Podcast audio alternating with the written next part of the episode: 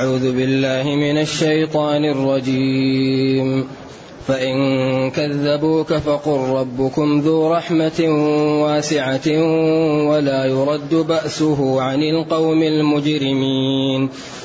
سيقول الذين أشركوا لو شاء الله ما أشركنا ولا آباؤنا ولا حرمنا من شيء. كذلك كذب الذين من قبلهم حتى ذاقوا بأسنا. قل هل عندكم من علم فتخرجوه لنا إن تتبعون إلا الظن وإن أنتم إلا تخرصون. قل فلله الحجة البالغة فلو شاء لهداكم أجمعين. قل هلم شهداءكم الذين يشهدون أن الله حرم هذا فإن شهدوا فلا تشهد معهم ولا تتبع أهواء الذين كذبوا بآياتنا والذين لا يؤمنون بالآخرة وهم بربهم وهم بربهم يعدلون قل تعالوا أتل ما حرم ربكم عليكم ألا تشركوا به شيئا وبالوالدين إحسانا ولا تقتلوا أولادكم من إملاق نحن نرزقكم وإياهم ولا تقربوا الفواحش ما ظهر منها وما بطن ولا تقتلوا النفس التي حرم الله إلا بالحق الحق. ذلكم وصاكم به لعلكم تعقلون. الحمد لله الذي أنزل إلينا أشمل الكتاب وأرسل إلينا أفضل الرسل وجعلنا خير أمة أخرجت للناس. فله الحمد وله الشكر على هذه النعم العظيمة والآلاء الجسيمة. والصلاة والسلام على خير خلق الله وعلى آله وأصحابه ومن اهتدى بهداه. أما بعد فإن الله تعالى يقول لنبيه فإن كذبوك فقل ربكم ذو رحمة واسعة ولا يرد بأسه عن القوم المجرمين. لما بين الله تعالى في الآيات السابقة ما حرم وبين أن هذا هو الحق وأشار إلى ما حرم على اليهود لتعنتهم قال لنبيه فإن كذبوك ولم يصدقوك ولم يعملوا بما جئتهم به فقل ربكم ذو رحمة واسعة. هو مثل أن ترى شخصا يعمل المعصية فتقول ما أكثر حلم الله ما أحلم الله على هذا الذي يقدم على المعاصي ولم يوبقه ولم يعجله بالعقوبة. واحد يقول كلام السيء ويترك الصلاة ويعمل فتنظر إليه وتقول ما أكثر حلم الله ما أحلم على الله. فإن كذبوك ولم يمتثلوا أمرك ولم يقبلوا الخير والنفع الذي جئتهم به فقل لهم يا نبي ربكم خالقكم وموجدكم ومسدي عليكم النعم. ذو رحمة واسعة. صاحب رحمة بخلقه واسعة عريضة طويلة. لذلك لا يعاجلكم بالعقوبة. ويترك الفسحة حتى إذا أخذ لم يفلت. إن الله لا يملي للظالم حتى إذا أخذه لم يفلت. إن بطش ربك لشديد. وكذلك أخذ ربك إذا أخذ القرى وهي ظالمة إن أخذه أليم شديد. إن الله يمهل ولا يهمل. لذلك فإن كذب هؤلاء نبيهم بما جاءهم به من البراهين الساطعة ومن الحجج الواضحة ومن بيان طرق الخير والأمر باتباعه وبيان طرق الشر والنهي عن سلوكه فإن كذبوك بذلك ولم يقبلوا منك هذا الدين فقل لهم ربي يمهلكم ذو رحمة واسعة. لذلك قالوا الرحمن هو رحمن الدنيا والآخرة. يرحم كل الخلق ولكن الرحيم بالمؤمنين في الدنيا والأخرى وكان بالمؤمنين رحيما.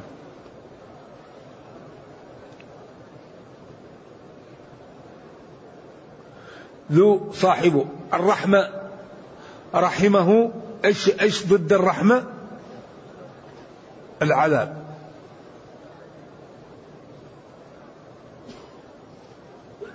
الواسعة الكبيرة. العريضة التي تشمل كل الخلق. ثم قال جل وعلا ولا يرد بأسه عن القوم المجرمين. البأس يقال للقتال وحين البأس الصابرين في البأساء والضراء وحين البأس الضراء هو وقت المرض ووقت الشدة والبأس حين تلتقي الصفوف لأن هذا هو شدة الحرج يعني عقوبته. إيقاعه العقوبه والألم على على أعدائه وعلى الكفرة به. ولا يرد بأسه عقوبته. وإيصاله الألم وإيصاله الأذية وإيصاله العذاب هذا هو البأس. و عن القوم الجماعة المجرمين الخارجين عن طاعة الله تعالى الذين كفروا به. إذا اطمئن يا نبي فإن كذبك هؤلاء فأنا رحيم بجميع الخلق. ولكن العاقبة أن المجرمين ينالون جزاءهم إن عاجلا أو آجلا. إن كان ذلك الجزاء عاجلا أو آجلا لا بد أن ينال المجرمين جزاؤهم. لذلك لا مهرب إلا بالتوبة والاستقامة قبل أن يوجب الإنسان. هذه الدنيا علاجها أن يستقيم العبد ويؤمن ويبتعد عن الكفر حتى لا يموت عليه. لأن الورط والهلك والعقوبة والكارثة أن تخرج روح الإنسان وهو على غير الإسلام. هذا هو الشقاء الأبدي وهو الذي صاحبه لا طمع له في الجنة وهو صاحبه يجد ما, ما عمل من العمل وجعل هباء منثورا. وقدمنا إلى ما عملوا من عمل فجعلناه هباء منثورا من يشرك بالله فقد حرم الله عليه الجنة. إذا ينبغي لكل عاقل ولكل منتبه أن يحاول أن تأتيه الموت وهو على الإيمان. فلا تموتن إلا وأنتم مسلمون. هذا هو النجاة. ولا يرد بأسه وعقوبته عن القوم المجرمين جمع مجرم والجارم في اللغة أصله الكاسب ثم استعمل الذي يعمل الذنوب كأنه كاسب لها. وأكثر ما يستعمل الإجرام في القرآن للكفر وقد يطلق على المعصية. إن الذين أجرموا كانوا من الذين آمنوا يضحكون. فعلي إجرامي. هنا ولا يرد بأسه عن القوم المجرمين. فالمجرمون العاصون لله تعالى أعلاه الكفر وأدناه المعصية. لذلك ينبغي للعاقل أن يحذر من موارد العطب من موارد الهلكة. العطب والهلكة أن يموت الإنسان على غير الإسلام. أولا يخاف يعمل يسأل الله. يخاف. لأن الذي يخاف الله الله لن يضيعه. الذي يعمل الله لن يضيعه. الذي يسأل الله ربنا لن يضيعه. أولا يخاف الله. ولذلك نبينا صلى الله عليه وسلم قال والله إني لا أش لا أتقاكم لله وأعلمكم به. أخشاكم لله وأعلمكم به. وقال الذين يأتون ما آتوا وقلوبهم وجلة.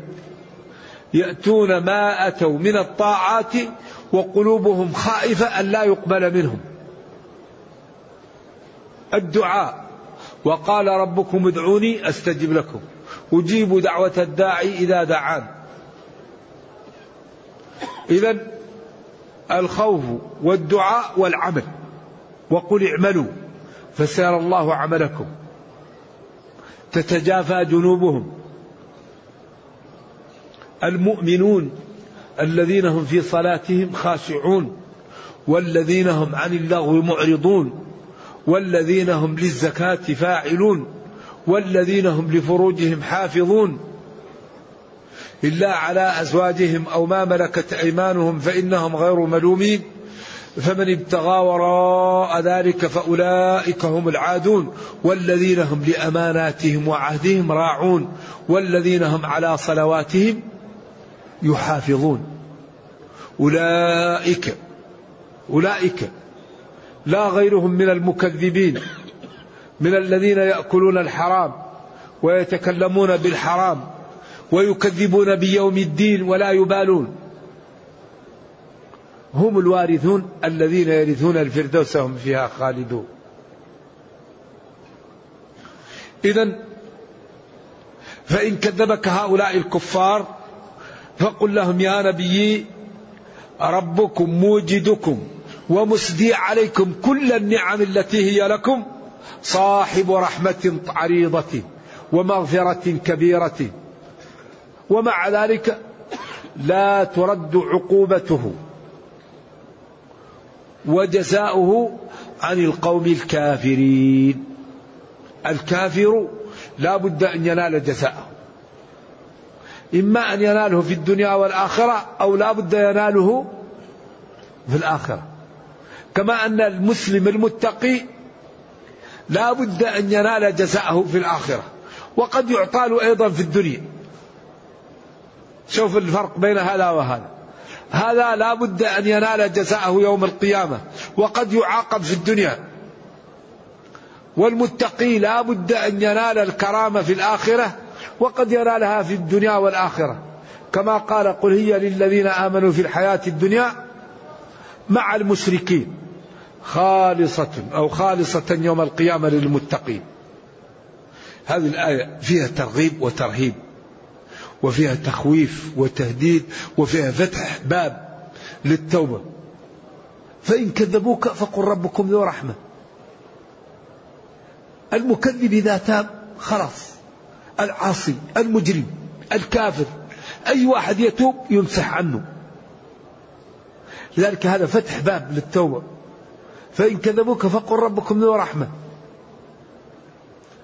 يعني يغفر الذنوب جميعا جميعا. وأنيبوا إلى ربكم وأسلموا له من قبل أن يأتيكم العذاب. قل يا عبادي الذين أسرفوا على أنفسهم لا تقنطوا من رحمة الله. إن الله يغفر الذنوب جميعا. إنه هو الغفور الرحيم. وأنيبوا إلى ربكم وأسلموا له من قبل أن يأتيكم العذاب ثم لا تنصرون تعاليم آية في الجمال في الحسن في نفعها لمن تأملها في في في عزتها لمن عمل بها. وجد وشمر عن ساعده لينفذ شرع ربه. وهذه الدنيا لا تجامل. ابدا هذه الخلق السنن الذي خلق الله عليه الخلق إذا اشتغلت تربح وإذا نمت تخسر. ما في. هذه الدنيا تعطيك على قدر ما تعطي. تنام تضيع تشتغل تربح. تشتغل للآخرة تنال الجنة. تشتغل للعلم تنال العلم. تشتغل للدنيا تنال الدنيا. كل شيء له بابه. فلذلك ينبغي للعاقل أن يحدد هدفه وأن يعمل لأجل أن يصل إلى هدفه. هل تريد الجنة؟ طريقها واضحة. تريد العلم طريق واضحة تريد المال طريق واضحة تريد الذكر الحسن. وأن تكون من أصحاب المروءات والفضائل. وأن تدعو الناس لك طريق واضحة تريد جهنم عياذا بالله طريق واضحة تريد الدناءة طريق واضحة تريد أن تكون دون الطريق واضحة نعم. ألم نجعل له عينين ولسانا وشفتين وهديناه؟ هذه طريق العزة طريق الكرامة طريق الرفعة طريق النبي صلى الله عليه وسلم وطريق صحابته. وهذه طريق فرعون وهامان وقارون وأبي بن خلف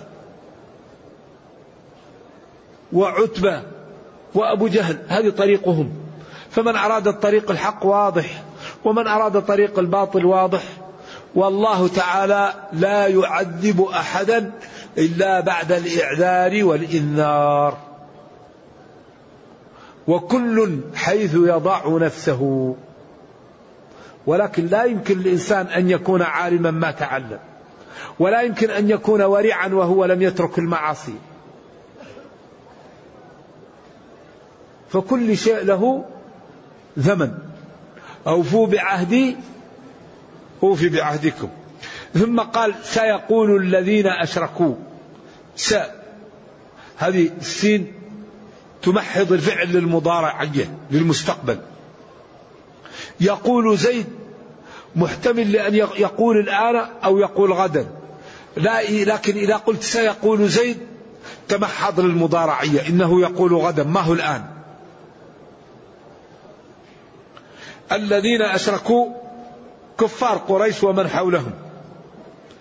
وهذا يدل على أن سورة الأنعام نزلت قبل سورة النحل. لأنه هنا قال سيقول الذين أشركوا وقال في النحل وقال الذين أشركوا. أنهم قالوا هذا. هنا قال سيقول وهناك وقال الذين أشركوا. وهذا من تأمل القرآن. الذي يتدبر القرآن ويتأمله يجد كثير من الأحكام واضحة أن هذه السورة نزلت قبل هذه وأن هذه مبينة وأحيانا يحال في آية لآية أخرى. كما قال في أول سورة النساء حال في آخرها على أولها. في قضية النساء إيش الإحالة؟ وترغبون أن تنكحوهن إيش الآية في هذا ال... ويستفتونك في النساء قل الله يفتيكم فيهن وما يتلى عليكم في الكتاب. ويفتيكم في ذلك ما سبق نزوله في أول السورة. من قوله وترغبون أن تنكحوهن. هناك. آه فإن خفتم أن لا تعدلوا فواحدة أو ما ملكت أيمانكم. قال عائشة هو الرجل تكون عنده اليتيمة فيرغب في مالها وجمالها ولا يعطيها مهرها كاملا قال كما أنها إذا كانت لا مال لها ولا جمال لها يتركها ولا يتزوجها فإن أراد أن يتزوجها يعطيها مثل ما يعطيها غيره وإلا تركها. فإن خفتم أن لا تعدلوا في اليتيمه وتعطوها حقها فدعوهن وتزوجوا غيرها. كما قال وترغبون أن تنكحوهن لأن أن وما دخلت عليه في تأويل مصدر يحتمل أن تكون في ويحتمل أن يكون عن. وهذا من إعجاز القرآن. وترغبون في نكاحهن لجمالهن ومالهن أو ترغبون عن نكاحهن لدمامتهن وقلة مالهن. نعم. فهناك حال لأول الآية وهنا قال سيقول الذين أشركوا فدل هذا على أن سورة الأنعام نزلت قبل سورة النحل لقوله هناك وقال الذين أشركوا. نعم. لو شاء الله ما أشركنا ولا آباؤنا ولا حرمنا من شيء. هذه الآية فيها إشكال عجيب وفيها نوع من الغموض. وذلك أن الكفار لو كانوا يقصدون ظاهر هذا الكلام لكان فيه غاية الصدق ولم يقل الله لهم كذلك كذب الذين من قبلهم. لأن لو شاء الله ما أشركوا ما أشركوا. هذا صحيح. ولو شاء ربك لآمن من في الأرض كلهم جميعا. قل كل من عند الله فما لهؤلاء القوم لا يكادون يفقهون؟ حديثا. إذا كيف يكون إيضاح القضية؟ ما دام هنا لو شاء الله وقال الذين أشركوا لو شاء الله ما أشركنا ولا آباؤنا ولا حرمنا من شيء. هذا الذي كذبهم الله به أنهم قرنوا أن الكفار قرنوا بين الإرادة الكونية والإرادة الشرعية. فقالوا ما دام ربنا قدر علينا كونا وقدرا الشقاوة فهو أحب ذلك منا ورضيه وطلبه منا. فالله كذبهم في أن قرنوا بين الإرادة الكونية وجعلوها ملازمة للإرادة الشرعية. ولذلك قال الله تعالى هنا كذلك كذب الذين من قبلهم حتى ذاقوا بأسنا. كذبوا بشرعنا وقالوا طلب الله منا ذلك وأحبه فالله قال لهم كذب لم يطلبه منكم ولم يحبه منكم وإن قدره عليكم كونا وقدرا ولذلك قال في حق أهل النار كلما ألقي فيها فوج سألهم خزنتها ألم يأتكم نذير؟ قالوا بلى قد جاءنا نذير فكذبنا. وقال ولا يرضى لعباده الكفر. و و ولم يدخل ربنا أحدا النار إلا بعد الإعذار والإنذار. وما كنا معذبين حتى نبعث رسولا. رسلا مبشرين ومنذرين لئلا يكون للناس على الله حجة بعد الرسل.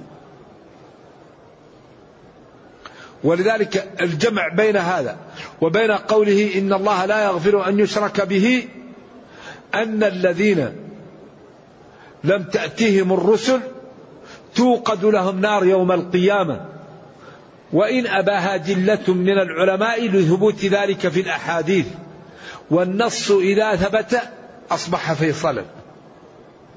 أنهم توقد لهم نار يوم القيامة ويؤمرون باقتحامها. فمن كان في علم الله أنه إذا جاءته الرسل آمن بها دخل النار فتكون له جنة. ومن كان في علم الله أنه إذا جاءته الرسل كذب بها امتنع من دخول النار. وهذا اختيار الحافظ بن كثير والوارد وجلة من العلماء. وإن أباه أبو عمر آه يوسف بن عبد البر في كتبه وقال إن الآخرة دار جزاء وليست دار تكليف. ولكن إذا ثبت النص فهو فيصل. نحن المنهج عندنا النص إذا ثبت انتهت القضية.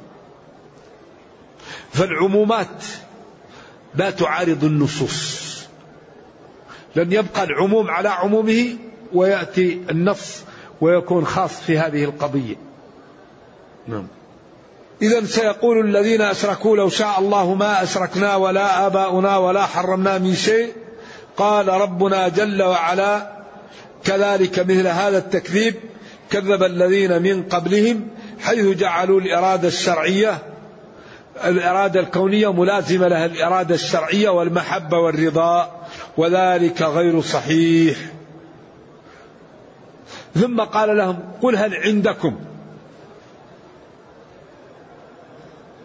في قولكم لو شاء الله ما أشركنا؟ قل هل عندكم من علم فتخرجوه لنا في أن الإرادة الكونية ملازمة للإرادة الشرعية وأن الله أحب ذلك منكم؟ إن ما تتبعون إلا الظن إلا الكذب والحدس وما أنتم إلا تخرصون تكذبون. إذا قال هل عندكم من حجة وبرهان على ما تقولون؟ الواقع لا حجة لكم وإنما هو كذب وتخرص. وإذا كانت عندكم حجة فأتوا بها. إذا هذا الدين هذا الدين قائم على إيش؟ قائم على البراهين. على الأدلة على سطوع الحجة. ولكن لا بد لنا من إيش؟ من أن نعلمه من أن ندرسه حتى يظهر لنا فتطلعوه لنا. إن إن تتبعون تسلكون وتمشون إلا في طريق الظن وهو الكذب. وإن أنتم إلا تخرصون هنا تكذبون. فيه علم وفيه ظن وفيه شك وفيه وهم. العلم مية في المية. يعني هذا هذه اسطوانة. هذا تعلمه مئة في المية لأنك رأيته. وإن كان العلم فيه علم اليقين وحق اليقين وعين اليقين. لكن كله داخل تحت العلم. الظن يعني سبعين في المية. وقد يطلق على عشرين في المية. الشك خمسين في المية. الوهم ثلاثين في المية أو عشرة في المية. إذا علم وظن وشك ويقين. وقد يطلق ما قارب الشيء عليه.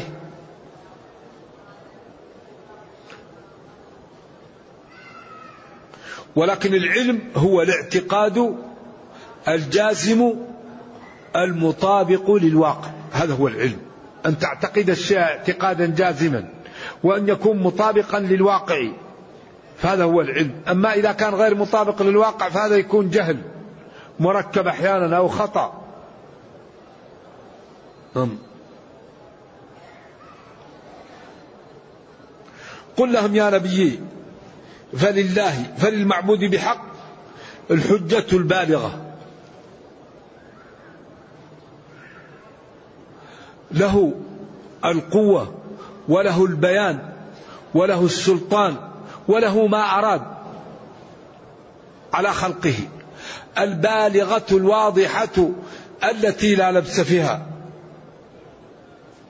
فله القدرة وله السلطة وله ما أراد.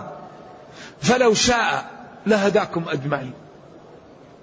مع ذلك فلو شاء الله هدايتكم لهداكم أجمعين. فالقضية في النهاية هي بإرادة الله وتحت سلطانه.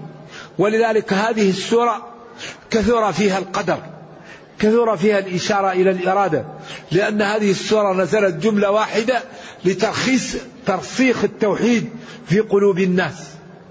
وإزالة الكفر والضلال والتعلق بالتشريعات الشيطانية وأنه لا ينفع ولا يضر ولا يعطي ولا يمنع ولا يخاف إلا الله جل وعلا.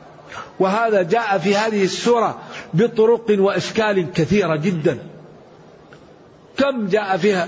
من أن القدر لله والحكم لله والأمر لله وأنه ما شاء كان وما لم يشاء لم يكن. ولو شاء الله لجمعهم على الهدى فلا تكونن من الجاهلين. فإن استطعت أن تبتغي نفقا في الأرض أو سلما في السماء. كل السورة تبين الأمر أمره الحكم حكمه إرادة إرادته الخلق خلقه. من أراد أن يعزه أعزه ومن أراد أن يذله أذله ومن أراد أن ينجيه نجاه ومن أراد أن يوبقه أوبقه.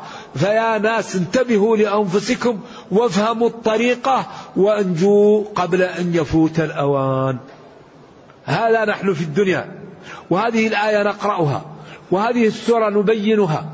فالذي لا يعمل لا يلومن إلا نفسه. والذي يتوب إلى الله ويستقيم بإذنه تعالى سينجو. إذا لا عذر للخلق بعد هذا البيان الواضح الذي لا لبس فيه. بيان بكل طرق البيان.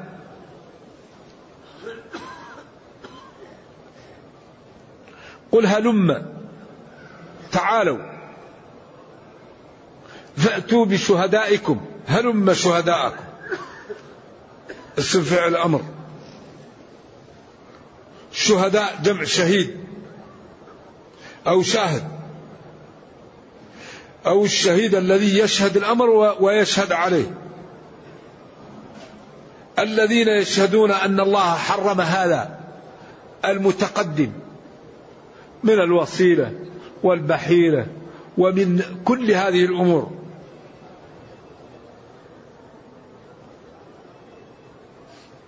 يشهدون أن الله حرم هذا. فإن شهدوا على ذلك فهو شهادة زور وكذب فلا تشهد معهم. ولا تتبع أهواء الذين كذبوا بآياتنا. لا تتبع هؤلاء الذين كذبوا بآياتنا والذين لا يؤمنون بالآخرة وهم بربهم يعدلون. والذين لا يؤمنون بالآخرة. دائما دائما القرآن يشير إلى الآخرة. دائما يشير إلى يوم القيامة. دائما يشير إلى وقت الحصاد. لأن يوم القيامة هو وقت الحصاد. كل الأمور إيش؟ تظهر وتنجلي الآن كل واحد يمكن يستتر. شوف الواحد يصلي ويذكر الله و... والواحد تشوفه لا يصلي ولا يعمل وهو مستتر بطاعة. وواحد لا يصلي ويظهر ويتظاهر بالطاعة. بعض الناس يكون عنده دين ولكن يستره. إما يخاف من الرياء أو يخاف من شيء ويكون يعبد الله ويخاف ويبكي ولكن لا يظهر هذا للناس. وبعض الناس يبكي ويظهر بالدين والله أعلم إذا هنا أشار إلى يوم القيامة لا يؤمنون بالآخرة لأن الآخرة هذه هي هي محل الحصاد هي هي مثل إيش؟ مثل نتائج الامتحان. الطلاب يدخلوا الامتحان وكل واحد يسلم أوراقه ولكن بعد تظهر النتائج هذا متفوق وهذا راسب إلا أن الامتحانات قد يكون فيها إيش؟ غش. وقد يكون فيها عدم انضباط. لكن هذا كل واحد يعطى حقه. ما في واحد إلا يعطى حقه يزاد على حقه أو يعطى حقه كامل. إن الله لا يظلم الناس شيئا. إذا دائما يخوف من يوم القيامة. هذا يوم القيامة له ما بعده. لأنه إما خسارة لا وراء وراءه أو ربح لا وراء وراءه. وعند يوم القيامة خلاص. الذي كان يكذب ما يقدر يقول شيء. فأهل الحق يظهرون في وجوههم. في وجوههم علامة التقى. في أيديهم علامة التقى. وجوههم ناظرة. وجوههم مشرقة كتبهم بأيمانهم مستبشرون فرحون. أهل الضلال وجوههم مغبرة تشهد عليهم ألسنتهم وأيديهم وأرجلهم بما كانوا يكسبون. عليها قترة كتاب يعطى له من وراء ظهره. إذا كل واحد هناك ما فيه. كل واحد بارز يوم القيامة. لذلك الله يخوفنا من يوم القيامة. انتبهوا. إن هذا اليوم له ما بعده. ما في واحد يقول أنا لا. في الدنيا عندك شفعاء عندك أصدقاء عندك مال عندك رصيد عندك جماعة عندك قبيلة عندك أصدقاء. يوم القيامة ما فيه إلا عمل نجوت به أو إهمال أو بقت نفسك. وهذا الآن والحمد لله نحن لا زلنا في دار الدنيا. هذه أكبر نعمة. نحن الآن في الدنيا. من تاب تاب الله عليه. والحسنة بعشر أمثالها. ولا يهلك على الله إلا هالك. فينبغي النجاة النجاة النجاة. والله لا يقبل إلا ما كان له. المجاملة لا تصلح في الدين. الدين دين. العمل عمل. في جنة وفيه نار وفيه قبر ومنكر ونكير وكتاب لا يغادر صغيرة ولا كبيرة. ونحن الآن في الدنيا فكل واحد ينتبه والأمر في غاية السهولة لمن سهله الله عليه. ما أمرنا به نأتي منه ما استطعنا وما نهينا عنه نتجنب ونشتغل فيما يعنينا. من حسن إسلام المرء تركه ما لا وأكثر ما يأخذ حسناتنا ما هو؟ الغيبة. أحسنت. فلان قال وعلان قال وفلان فيه وعلان أحسن من فلان وفلان أعلم من فلان وفلان أطول من فلان وفلان أجمل من فلان. كل كلام بين الناس فهو غيبة. أي كلمة تصدر منك في غير صالح أخيك فهي غيبة. إذا الغيبة ذكرك أخاك بما يكره. طويل عريض جاحظ بدين لا أترك الناس.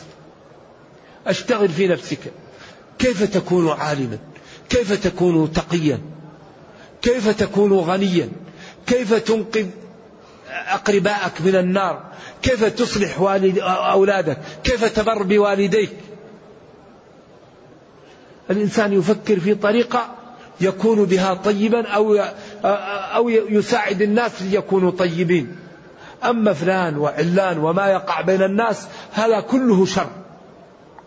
يأخذ حسناتك ويضيع وقتك ويسبب قساوة القلب فيكسل الإنسان عن الطاعة. لذلك النبي صلى الله عليه وسلم قال يوما للصحابة ما تعدون المفلس فيكم. ما تعدون؟ قالوا من لا مال له. قال لا المفلس الذي يأتي بمثل أحد حسنات.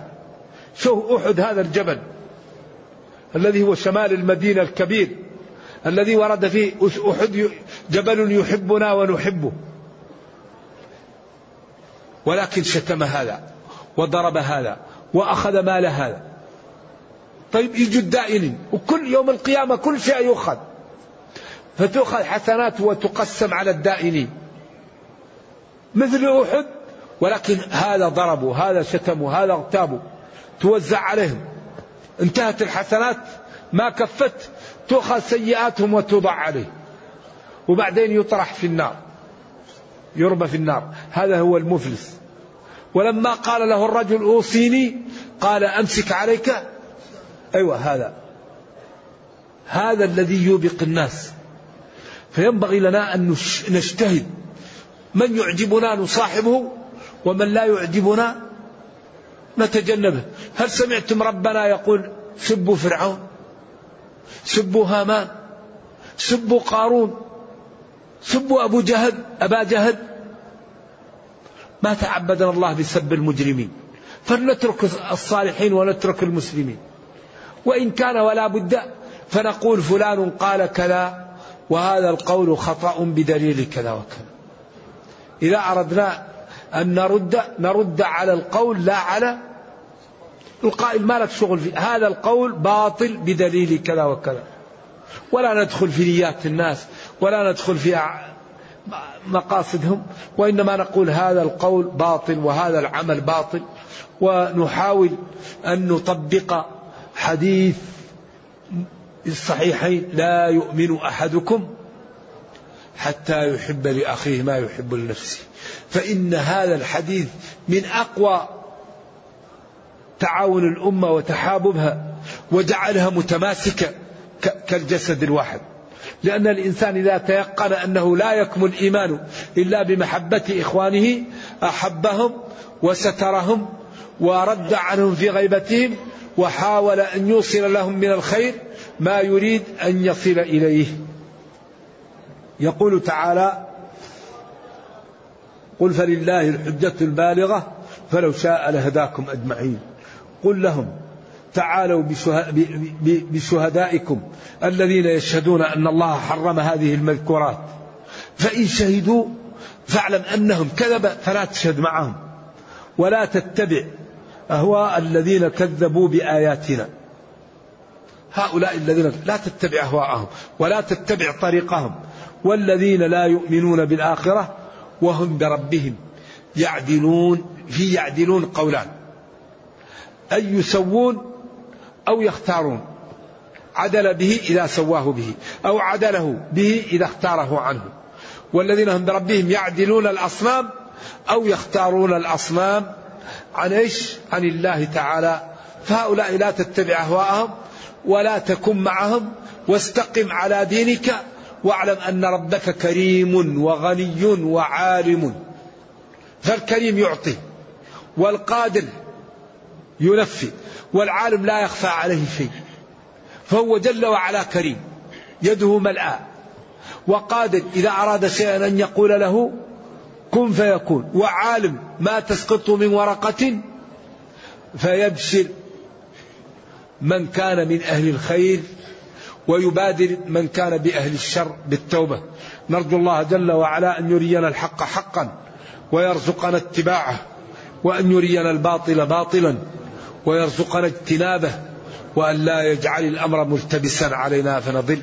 ربنا أتنا في الدنيا حسنة وفي الآخرة حسنة وقنا عذاب النار. سبحان ربك رب العزة عما يصفون وسلام على المرسلين والحمد لله رب العالمين. والسلام عليكم ورحمة الله وبركاته. يقول رجل مات عياذا بالله وهو يشرب الخمر وهو فاقد الوعي. من هذا يعتبر كافرا أو تعتبر كبيرة من الكبائر. لا لا ليس بكافر. وهذا يدعى ويصلى عليه نرجو الله السلام والعافية. لكن هذه خاتمة غير طيبة. إنما الأعمال بالخواتيم. ولذلك تجد بعض الدعاة يقول اللهم اجعل آخر كلامنا في الدنيا لا إله إلا الله. لأن من كان آخر كلامه لا إله إلا الله دخل الجنة. إن شاء الله. هذا الحقيقة عمل مخيف وسيء ولكن ما دام يقول لا إله إلا الله يرجى الخير ولكن هذا يجعل الإنسان يتعود الخير. عود لسانك فعل الخير تحظى به. إن اللسان لما عودت يعتاد. والإنسان يموت على ما عاش عليه ويبعث. فذلك ينبغي للإنسان أن يكثر من الطاعة ومن أعمال الخير ويبتعد عن المعاصي. قال الله تعالى ولا تموتن. يعني أنتم دائما تمسكوا بالإسلام لأن أي إنسان فقد الإسلام قد يأتيه الموت. فالإنسان دائما يكثر من أعمال الخير ولذلك أحب الكلام إلى الله أربع. إيش؟ سبحان الله والحمد لله ولا إله إلا الله والله أكبر. وأفضل ما قلته أنا والنبيون من قبلي لا إله إلا الله وحده. أفضل الدعاء دعاء عرفة. لا إله إلا الله وحده لا شريك له. له الملك وله الحمد على كل شيء قدير. فالإنسان يكثر من الدعاء والاستغفار ويبتعد عن الحرام لأن الحرام شؤمه أنه يضر العمر والمال والولد. أعز ما عند الإنسان يؤثر عليه الحرام. عمره وماله وولده يضر تضره المعاصي. فليبتعد عن المعاصي حتى ينجو. هذا بارد الله. هذا يريد يسأل. ما حكم صيام السبت في النفل؟ إذا لم يكن في الأيام البيض الأولى ترك صيام يوم السبت. وترك صوم الجمعة بمفرده. وسنة الصوم أن يصوم الإنسان الاثنين والخميس والأيام البيض. اليوم الثالث عشر والرابع عشر والخامس عشر. ويصوم تسع ذي الحجة. أفضل أيام تصام هذه. ويصوم عاشوراء. ويوم قبلها تاسوعاء. والحادي عشر إن أراد. ويصوم في شهر الله الحرام. وأفضل الصيام أن تصوم يوم وتترك يوم.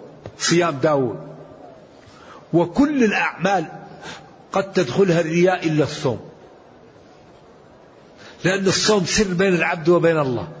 الصلاة ترى الصدقة ترى الوضوء ترى الصوم لا يرى.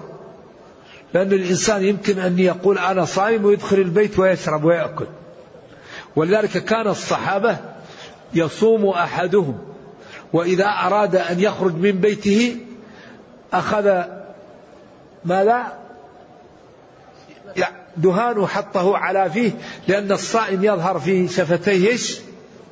النشوف فهو إذا أراد أن يخرج من البيت يأخذ آه، يعني آه، زيت أو دسومة أو شيء يحطه على شفتيه ووجهه حتى يظهر أنه نضر حتى يخفي عن الناس صيامه.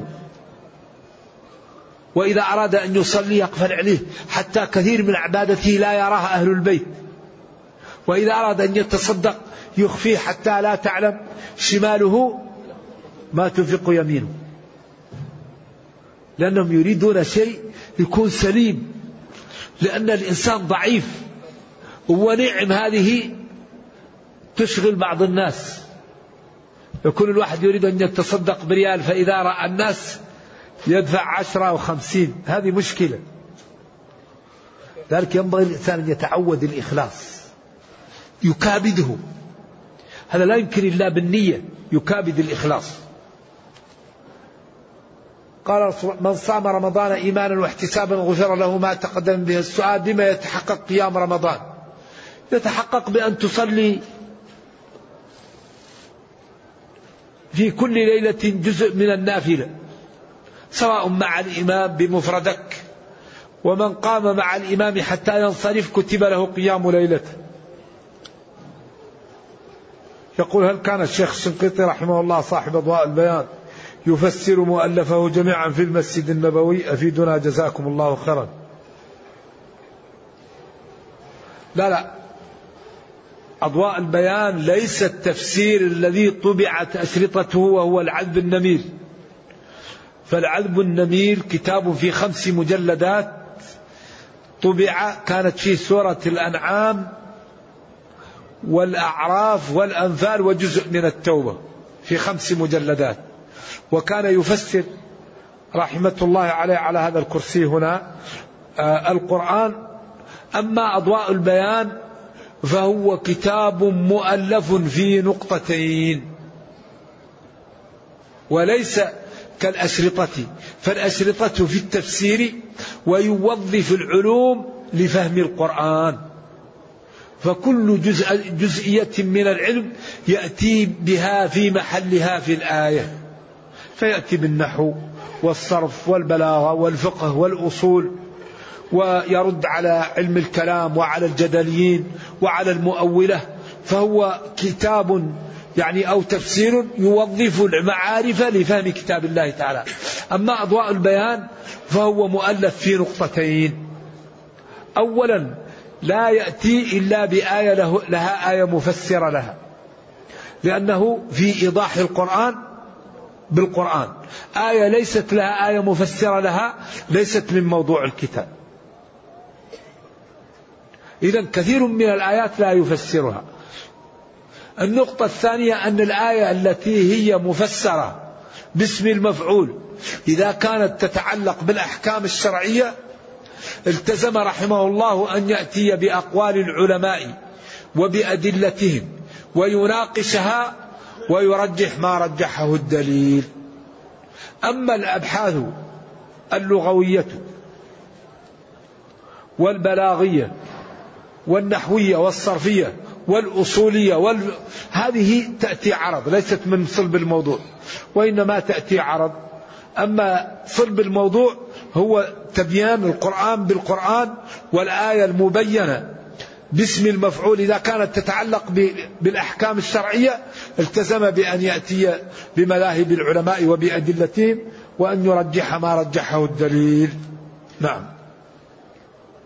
كيف تصلي النافلة؟ هل قائم أو قاعد أو إيش النافلة تصلي يصليها الإنسان قائم فإن صلاها قاعد كل صلاة لا بد فيها من الفاتحة. كل صلاة لا بد في كل ركعة من الفاتحة. لا صلاة لمن لم يقرأ بفاتحة الكتاب. نعم.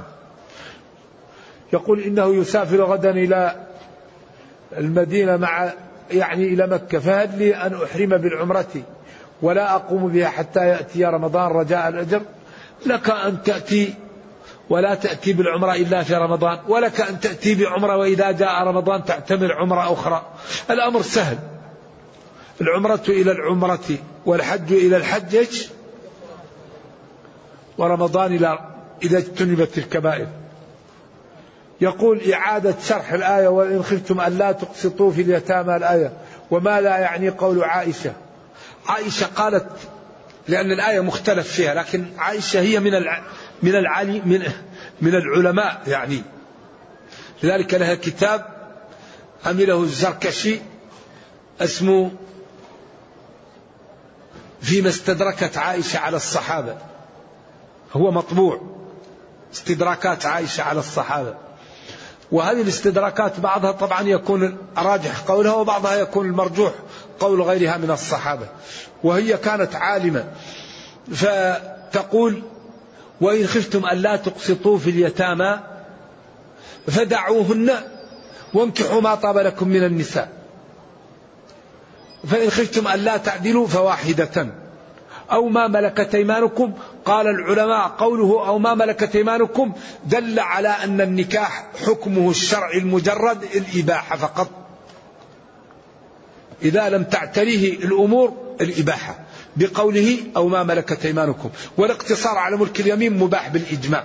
لأن ما في أحد يقول أن يعني الرجل يجب عليه أن يتسرى أمته وإنما هو أمر جائز. فهنا يقول آه، فإن خفتم أن لا تعدلوا فواحدة فدعوا واحدة أو اقتصروا على ملك اليمين. وإن خفتم أن لا تعدلوا في اليتامى فدعوهن. وانكحوا ما طاب لكم من النساء. وهذا مقتضى واضح. كما قال فمن كان منكم مريضا أو به أذى من رأسه فحلق ففديته. وقال ومن كان منكم مريضا أو على سفر فأفطر فعدته. هذا المقتضي. كذلك هناك فدعوهن وانكحوا ما طاب لكم من النساء. لكن وترغبون أن تنكحوهن محتمل هنا أن وما دخلت عليه في تأويل مصدر محتمل أن يكون في نكاحهن أو عن نكاحهن في نكاحهن لجمالهن أو مالهن وعن نكاحهن لدمامتهن وقلة مالهن وهذا من إعجاز القرآن. نعم. فالقرآن مليء الحقيقة. أصبر أصبر يا أخي. الله يجزيك خير. ما حكم الطلاق البدعي؟ الطلاق البدعي لا يجوز ولكن الذي يظهر أنه يثبت لأن النبي صلى الله عليه وسلم قال لعمر أن يقول لابنه قال لعمر مره فليراجعها مره فليراجعها. ما قال له قل له طلاق غير صحيح. وليس من أمر بالأمر أمر لثالث إلا كما في ابن عمر. مره فليراجعها. فلذلك قال بعض العلماء الحائض إذا طلقها زوجها هو أثم وينبغي أن يراجعها ولكن تعد عليه طلقة. وقال بعض العلماء من عمل عملا ليس عليه أمرنا فهو رد. إذا لا تعد عليه. والله أعلم. نكتفي بهذا الآن. السلام عليكم.